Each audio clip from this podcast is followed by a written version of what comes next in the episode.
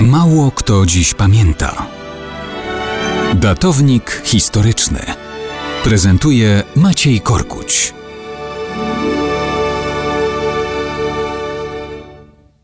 Mało kto dziś pamięta, co może łączyć małopodlaską miejscowość Łapy z afrykańską bitwą pod El Alamein.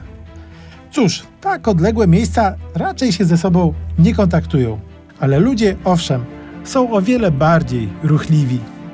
Otóż w łapach 21 kwietnia 1909 roku urodził się Józef Kosacki. Polski wynalazca, naukowiec, ale i oficer saperów, który zapewnił aliantom zwycięstwo w drugiej bitwie pod El Alamein.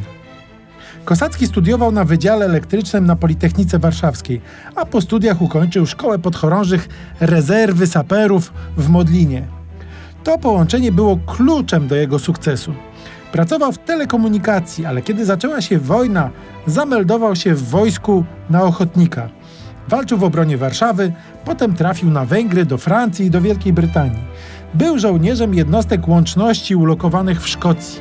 Tam na własne oczy widział, jak polscy żołnierze tragicznie wpadli na miny. Zaczął pracować nad wykorzystaniem fal radiowych do wykrywania min i innych przedmiotów metalowych w ziemi. To była kontynuacja zresztą jego przedwojennych jeszcze pasji.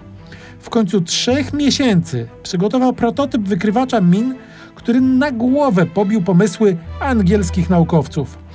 PMD, czyli Polish Mine Detector, przeszedł do produkcji.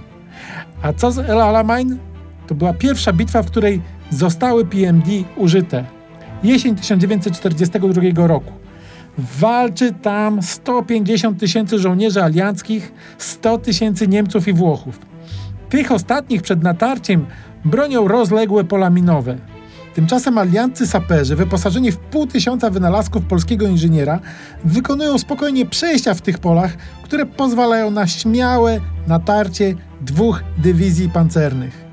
Likwidacja pól minowych, czyli jak mówiono, śpiących zabójców, walnie przyczynia się do wielkiego alianckiego zwycięstwa. I tak inżynier Józef Kosacki połączył łapy i afrykańskie El Alamein.